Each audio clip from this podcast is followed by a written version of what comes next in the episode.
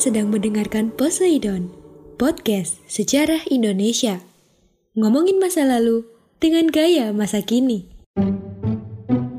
Halo semuanya, salam sejarah. Kembali lagi bersama aku, Nisa Fazalina, dan kali ini aku bakal bahas tentang runtuhnya politik apartheid di Afrika Selatan. Sebelum memasuki pembahasan, kalian tahu nggak sih banyak warga Afrika Selatan yang memiliki warna kulit putih? Padahal negara di benua Afrika identik dengan warna kulit hitam. Di Afrika Selatan sendiri pernah terjadi politik apartheid yaitu politik perbedaan warna kulit.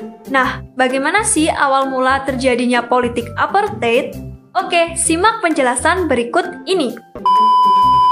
Apartheid adalah sistem pemisahan ras yang diberlakukan di Republik Afrika Selatan dalam kurun waktu 1948 sampai 1993. Istilah ini pertama kali digunakan oleh keturunan Belanda yang berada di Afrika Selatan. Singkatnya, Politik apartheid adalah legalisasi hukum atas diskriminasi terhadap orang-orang berkulit warna dan orang kulit hitam yang merupakan penduduk asli Afrika. Dalam sistem itu, orang-orang kulit putih memiliki hak istimewa untuk memperoleh perumahan, pekerjaan, akses pendidikan, dan kekuasaan politik.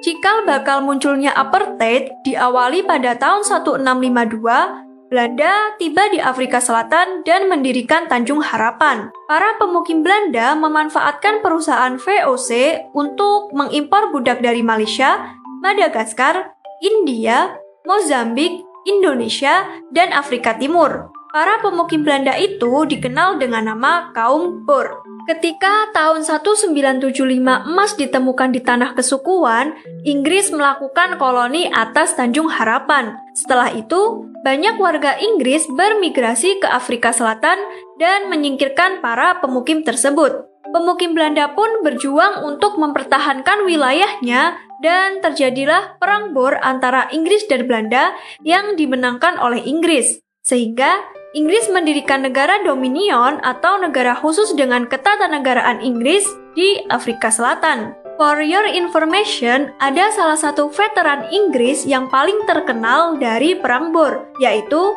Robert Stephenson Smith Baden Paul.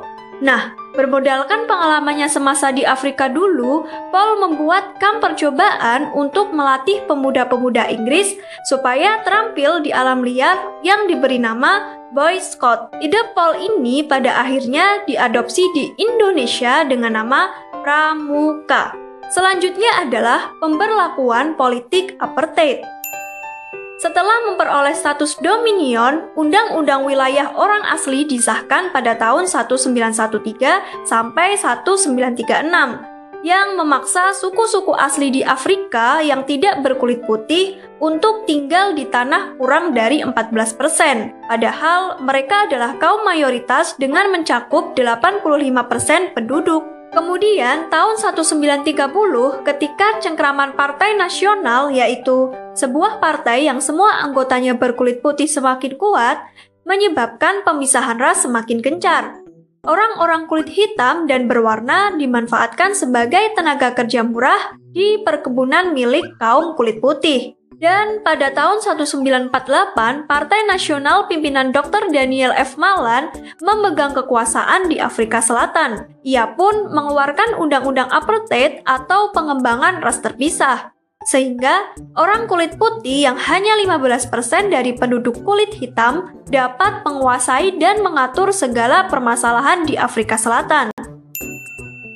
Kemudian, pada tahun 1950, Undang-Undang Pendaftaran Populasi Warga Afrika Selatan dibagi dalam tiga kategori ras, yaitu ras bantu atau Afrika kulit hitam, kulit putih, dan kulit berwarna lainnya. Kemudian ada kategori baru yaitu ras Asia yang sebagian besarnya adalah warga etnis Pakistan dan India.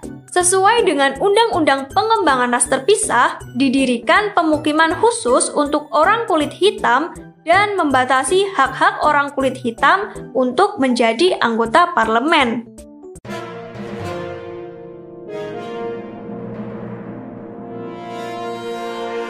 Hai teman-teman, saatnya kita masuk di segmen History Flash. Fresh Mendur, fotografer yang datang mengabadikan detik-detik proklamasi kemerdekaan, ternyata didatangi tentara Jepang. Tentara Jepang ingin merampas negatif film dari foto-foto tersebut, namun Fresh memilih berbohong dan mengatakan bahwa filmnya sudah diserahkan kepada barisan pelopor. Kalian tahu tidak, instrumental lagu Indonesia Raya pertama kali diperdengarkan dalam Kongres Pemuda II pada 28 Oktober 1928 yang kelak dikenal sebagai cikal bakal Hari Sumpah Pemuda. Tahukah kalian, perintah pertama Presiden Soekarno saat dipilih sebagai Presiden pertama RI bukanlah membentuk sebuah kabinet atau menandatangani sebuah dekret, melainkan memanggil tukang sate. Demikian History Flash, kita ketemu di episode berikutnya. Jangan lupa untuk selalu mematuhi protokol kesehatan, memakai masker, mencuci tangan, dan menjaga jarak ketika harus beraktivitas. Saya Aulia pamit.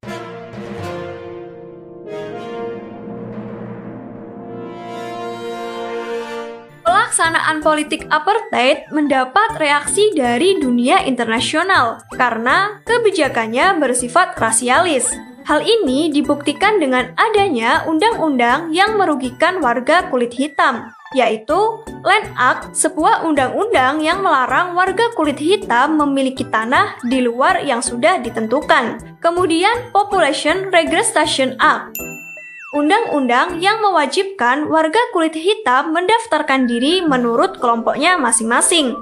Dan yang terakhir, Grup Area Act, undang-undang yang mengatur pemisahan warga kulit hitam dan warga kulit putih.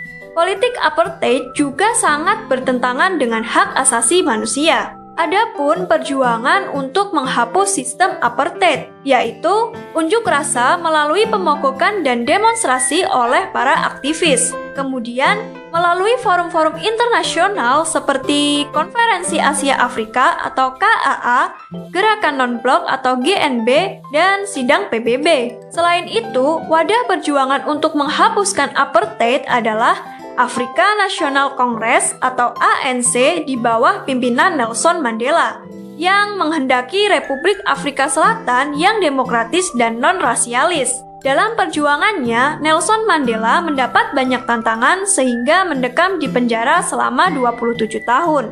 Perjuangan Nelson Mandela berhasil ketika Presiden F.W. de Klerk memegang pemerintahan Afrika Selatan, sehingga pada Februari 1990 Nelson Mandela dibebaskan. Atas perjuangan Nelson Mandela, de Klerk mengeluarkan kebijakan untuk menghapus semua ketentuan politik apartheid. Pada bulan Desember 1933, Parlemen Afrika Selatan mengumumkan konstitusi baru yang berisi kelompok minoritas akan menyerahkan kekuasaan kepada kelompok mayoritas kulit hitam. Pada bulan April 1994, di Afrika Selatan diselenggarakan pemilu pertama multirasial di mana warga kulit hitam diikut sertakan. Pada pemilu tersebut, Nelson Mandela terpilih menjadi presiden kulit hitam pertama di Afrika Selatan. Maka terhapuslah politik apartheid di Afrika Selatan. Demikian penjelasan mengenai runtuhnya politik apartheid di Afrika Selatan. Stay safe, stay healthy, stay happy, dan jangan lupa follow kami di Instagram at podcast underscore sejarah Indonesia. Terima kasih sudah mendengarkan dan sampai jumpa. Terima kasih.